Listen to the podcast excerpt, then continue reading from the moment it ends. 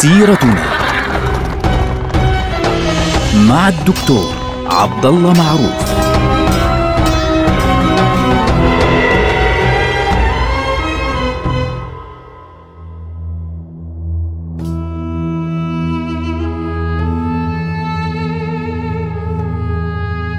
السلام عليكم ورحمة الله وبركاته. سيرتنا سيرة هذه الأمة العظيمة ونحن الآن في عهد العباسيين في عهد الضعف العباسي.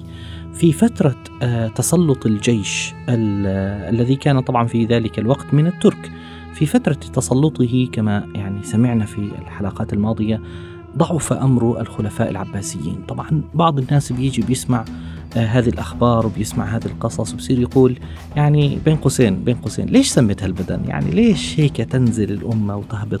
إخواننا يجب أن نعلم مسألة مهمة. أنه لا يوجد قوي يبقى قويا ولا يوجد ضعيف يبقى ضعيفا. القوي لا بد له أن يضعف والضعيف لا بد له أن يقوى. هكذا طبيعة البشر وهكذا طبيعة الأمم وهكذا طبيعة الدول. الآن في هذه المرحلة مرحلة الضعف التي يعني راح فيها عدد لا بأس به من الخلفاء اللي مثل طبعا المنتصر المستعين المعتز المهتدي كل واحد كان يحاول أن يقاوم الجيش فيخلعه الجيش أو يقتله أو يعني أو يخلعه ثم بعد ذلك يقتله.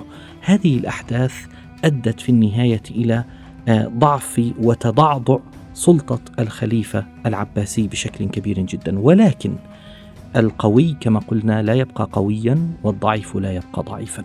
في عهد ال- الخليفة المهتدي هذا الرجل كان ورعا تقيا واعترضته قوة الأتراك. فلما حاول انه يعني يدمر قوة هذا الجيش فعليا ويسيطر على الحكم اتفقت كلمتهم على أن يتخلصوا منه فبايعوا ابن المتوكل أبا العباس أحمد بن المتوكل ولقب هذا الرجل بالمعتمد. هذه المرحلة مرحلة المعتمد تبدأ فيها مرحلة سماها المؤرخون مرحلة صحوة الخلفاء، صحوة الخلفاء أو صحوة الخلافة، كأنه الخليفة كان نايم أو الخلافة العباسية كانت نائمة ثم استيقظت مرة واحدة. طبعا المعتمد بذاته لم يكن قويا بحد ذاته، المعتمد كان إلى حد ما ضعيفا ولكن الظروف التي كانت حوله فعليا يعني أدت به إلى أن يقوى وأدت بالخلافة إلى حد كبير إلى أن تقوى في وجه الجيش. فالمعتمد في زمنه بدأت قوة الأتراك بالتراجع ليه؟ طبعا السبب الأساسي هو أن هناك خلافات شديدة جدا كانت بين آه، أفراد الجيش وقادة الجيش لدرجة إنه قيادة الجيش اختلفوا عليها فرجعوا إلى الخليفة المعتمد وقالوا له يعني يا أمير المؤمنين نريد منك أن تولي أحد إخوتك امرأة الجيش.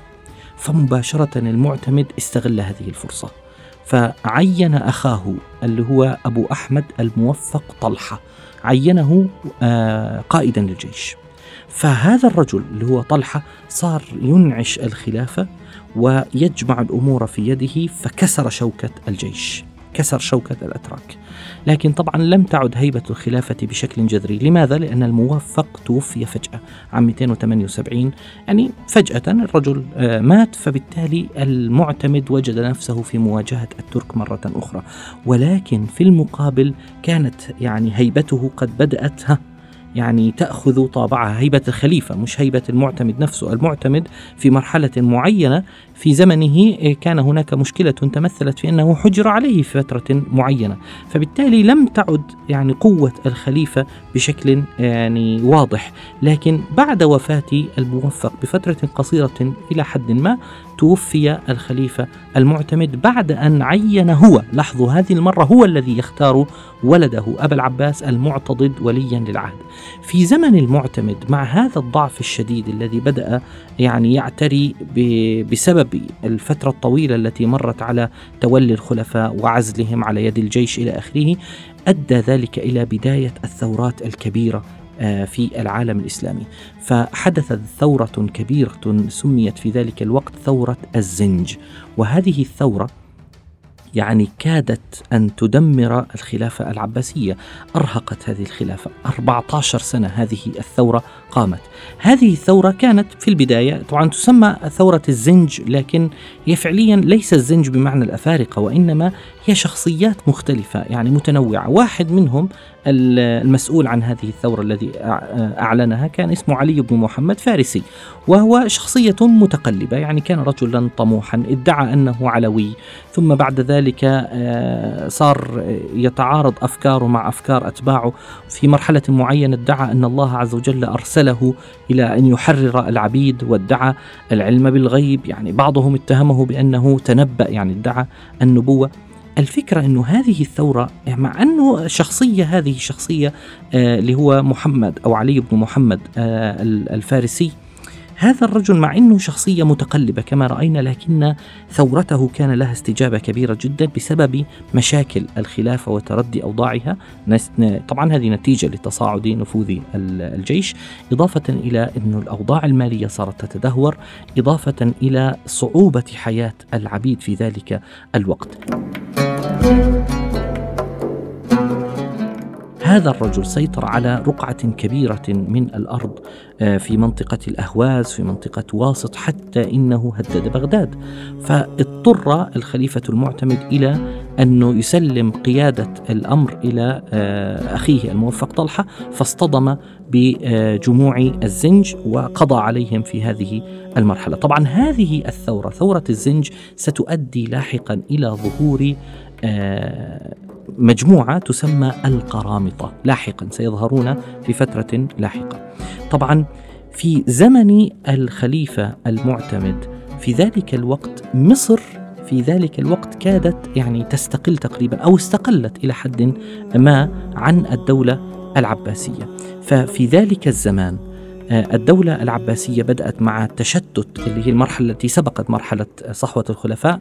كانت الدول التي ترى أو الولايات ترى أنفسها أنه والله هي قادرة على أن تحكم بنفسها ولا تسلم أمرها لقيادة الجيش التي تسيطر فعليا على الخليفة.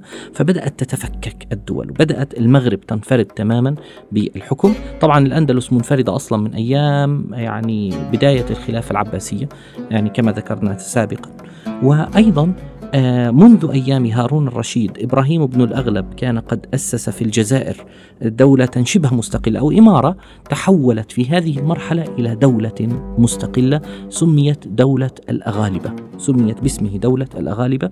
ثم في مصر آه، أحمد بن طولون فعليا هذا الرجل كان أميرا استقل إلى حد كبير بحكم مصر وقرر أنه هذه المنطقة يعني يسيطر عليها بالكامل وتصبح في عتاد آه، حكمه الخاص خارج حدود الدولة العباسية في ذلك الوقت. الآن في هذا الزمن أيضا في هذه المرحلة في مرحلة المعتمد أيضا ظهرت آه، قوة جديدة. سيكون لها دور كبير جدا في تغيير شكل العالم الإسلامي اللي هي الدعوة الفاطمية أو الدولة الفاطمية بداية الدولة الفاطمية. طبعا الدولة الفاطمية سنخصص لها حلقة خاصة.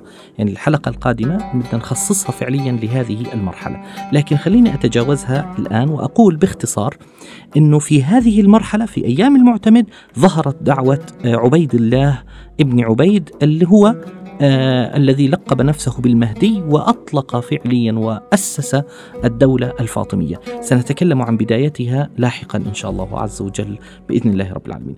الآن في هذه المرحلة الأخيرة في عهد المعتمد في نهايته آه المعتمد يعني لما ضعف أمره جدا لتمكن أخيه فعليا من الأمور ووفاة آه، أخيه لاحقا آه، اضطر المعتمد إلى تسليم الأمر فعليا لولده. لكن لاحظوا هذه المرة هو الذي اختار ولده. فعين ابنه أبا العباس المعتضد وليا للعهد ثم أشهده على نفسه وقال أنا خلص بايعت المعتضد خليفة وانتهى الأمر ثم توفي المعتمد بعد ذلك. ويستلم الأمر بعده المعتضد. المعتضد هذا حكم عشر سنين. هذا الرجل يعود فعليا في قوته وفي شكل حكمه تماما إلى العهد. العباسي الأول. يعني آه، شكل الحكم في زمنه أصبح كأنه العهد العباسي الأول. طبعا ليس من حيث الدول التي يعني تنفصل هنا وهناك. يعني مصر منفصلة إلى حد ما ولكن يعني طاعتهم للخليفة. ثم الفاطميون قد ظهروا لاحق يعني في ذلك الوقت كانوا already قد ظهروا في منطقة آه، تونس وهكذا. لكن المعتضد في داخل بغداد كانت قوته واضحة وكان ملكا شجاعا مهيبا ظاهر الجبروت كما يقولون. وافر العقل شديد الوطأة يعني يقول عنه آه، بعض من عاصره في ذلك الوقت إنه كان يسمى السفاح الثاني لأنه جدد ملك بني العباس الذي أبدأه فعليا آه، أبو العباس السفاح. وكان في قبل أن يعني يستلم المعتضد الحكم كان قد يعني ضعف الحكم العباسي وكاد يزول منذ عهد المتوكل. ولكن المعتضد يأتي ليجدد هذا العهد مرة أخرى. يقول فيه أحدهم أحد الشعراء اللي هو ابن الرومي يقول هنيئا بني العباس إن إمامكم إمام الهدى والبأس والجود أحمد. كما بأبي العباس أنشئ ملككم كذا بأبي العباس أيضا يجدد. إمام يظل الأمس يعمل نحوه. تلهف ملهوف ويشتاقه الغد. فبالتالي في ذلك الوقت إذا عادت هيبة الخلافة بشكل كامل في عهد المعتضد. وفي زمن المعتضد يعني كان له آه، يعني أحداث آه، لطيفة في زمنه. مثلا يعني هو الذي هدم دار الندوة في آه، مسجد الحرام في مكة وصيرها يعني حولها إلى مسجد إلى جانب المسجد الحرام. وأيضا في زمنه كان قد توفي أحمد بن طولون واستلم الأمر من بعده في مصر. استلم رجل اسمه خمارويه وهو لاحظوا اتراك هم فخطب المعتضد ابنة خمارويه اللي هي قطر الندى وزفت إليه فعليا. في ذلك الوقت أيضا آه لاحظوا تتذكروا قلنا ثورة الزنج حدثت في عهد المعتمد. في عهد المعتضد بدأت تتطور قضية الزنج إلى ظهور دولة القرامطة وظهر في زمنه رجل اسمه أبو سعيد القرمطي وقويت شوكة هذا الرجل. طبعا هذا أبو سعيد القرمطي هو أبو شخص اسمه أبو طاهر سليمان الذي قلع الحجر الأسود. سيأتي يعني الحديث عنه لاحقا إن شاء الله. فالمعتضد عاش عشر سنوات فعليا قويا جدا واعتل في آخر حياته وكان مزاجه قد تغير في آخر حياته حتى توفي آه، لاحقا. يعني فبالتالي لاحظوا الجيش أصبح ضعيفا تحت إمرته بالكامل الدولة تحت سيطرته بشكل تقريبا كامل وحتى في موته كان قويا جدا. حتى في موته كان له قصص غريبة. يعني الرجل كان يصارع الأسود كان يصارع الأسد أحيانا مباشرة بنفسه عندما توفي. يقول المسعودي يقول شكوا في موت المعتضد. عندما يعني كان على فراش الموت. فتقدم إليه الطبيب وجس نبضه. ففتح عينيه ورفس الطبيب برجله. تعرفوا هذه انتفاضة ما قبل الوفاة النهائية. ورفس الطبيب برجله فيعني أدحاه أذرعا. يعني رمى الطبيب عدة أذرع عدة أمتار بعيدا فمات الطبيب من شدة الضربة. ثم مات المعتضد فورا في هذه اللحظة. يعني في آخر لحظة من حياته الطبيب لم يستطع أن ينجو من رفسة قدم المعتضد.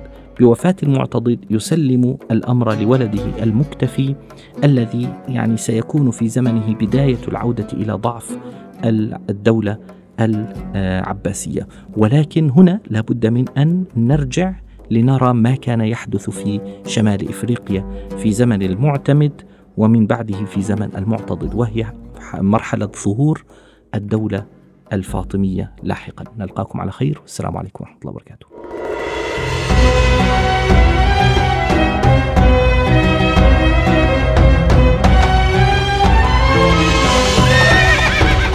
سيرتنا مع الدكتور عبد الله معروف.